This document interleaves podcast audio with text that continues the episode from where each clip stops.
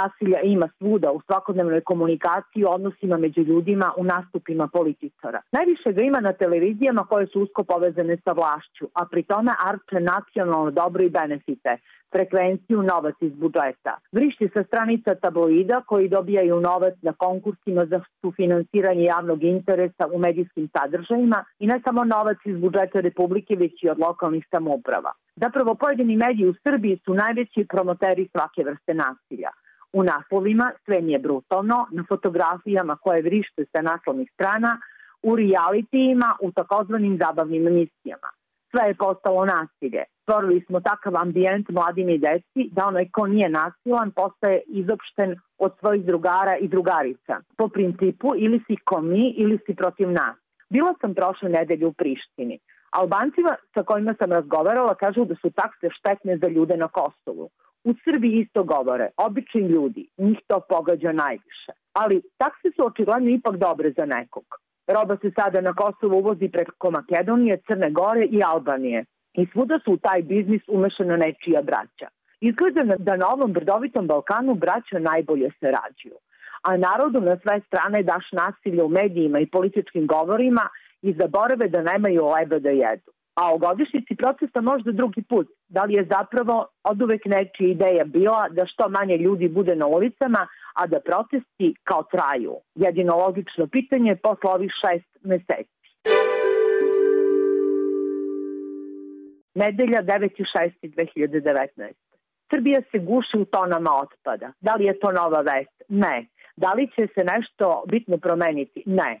Da li se neko zbog toga brine? Ne. U Srbiji se uništava zelenilo, šume, reke, gradovi, sela. Ideja je da svuda budu behaton ploča i stevi sa mini hidroelektranama, jer u Srbiji je najvažniji profit. U njemu su naravno ekipe, velike ili male, one gore ili one na lokalu, svejedno. Prati uspeh u hijerarhiji vlasti i prati štokove opranih para, jednostavno. A narod, pa narod može da priča najzvanično i da opet glasa. Ponedeljak 10.6.2019. godine. Leskovački povrtari su očajni. Džaba ulaganje u plasteniki i napona rad u njima. Veliki računi za struju, za zagrevanje rastada u hladnim danima. Kada stigne vreme za prodaju cene na pijaci, obaraju uvoznici i povrće iz inostranstva. Da li neko stvarno veruje da oni to čine na svoju ruku i bez direktne sprege sa važnim ljudima na vrhu raznih institucija? Zato Leskovač povrtari i treba da rade u fabrikama iz domena šrafovske proizvodnje za bedne plate i svakodnevna maltretiranja, jer tako su tražili. Utorak 11.6. Da li će preživeti lokalni mediji koji svoj posao rade na profesionalan način i u skladu sa novinarskim kodeksom? Teško. Zaslugu imaju podjednako i oni kojih na sve načine guše, pre svega uz finansijske pritiske i istrpljivanja, svakodnevne pretnje i šikaniranja, ali i oni koji se kao zalažu za njihov opstanak, a fondove ipak daju velikima.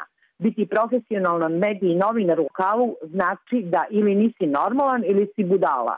Razlika je mala, ali sloboda nema cenu, istina je velika. Sreda 12.6.2019. Crna Gora je najgore na svetu jer petlja nešto oko crkvene imovine, u tome izgleda suština sporenja i frke koja se dižu u medijima. Ali Crna Gora je zabranila slobodno i celodnevno prikazivanje realitija. Zamislite, oni bre nisu normalni. Ko da vode računa o svojoj deci i ne žele da promovišu, bar ne slobodno, ono što u zemlji Srbiji vrišti sa ekrana i kioska. Za danas je pitanje šta tačno znači strane investicije u Srbiji, a pitanje nije slučajno, vidimo to na svakom koraku. Jednostavno, od vašeg poreza političari daju novac nekom stranom investitoru, da bi vas pre će biti vaše dete, zato što je ono mlađe od 30 godina zaposlio, malo plaćao, ne poštujući njegova radna prava čak ni po aktuelnom zakonu koji je zapravo napisan za investitore. I za sve to plaća zaposlene od onih para koje je država njima uzela kroz poreze na početku ove priče. Znači, sami sebe plaćate da nekome služite, pa vi vidite šta nije u redu sa svima nama. Četvrtak 13.6.2019. Nažalost, moram da vam kažem da ne znam kako ću da naći posao u Srbiji sa ovakvom majkom. Kažem sinu i čerki dok ispijamo kafu u malom kafiću gde vršimo primo prediju torbe sa domaćom hranom i roditeljskih saveta, brige i ljubavi u prestonici. On priprema master na jednom državnom fakultetu, ona daje ispite sa četvrte godine na drugom. Oboje na Beogradskom univerzitetu. A majka u provinciji radi ono što joj je i posao. Pisa i o tome piše. Zamislite, oni misle da je sve to ok i da ne treba da bude drugačije, a posao. Ako ga nema ovde, bit će ga negde drugde.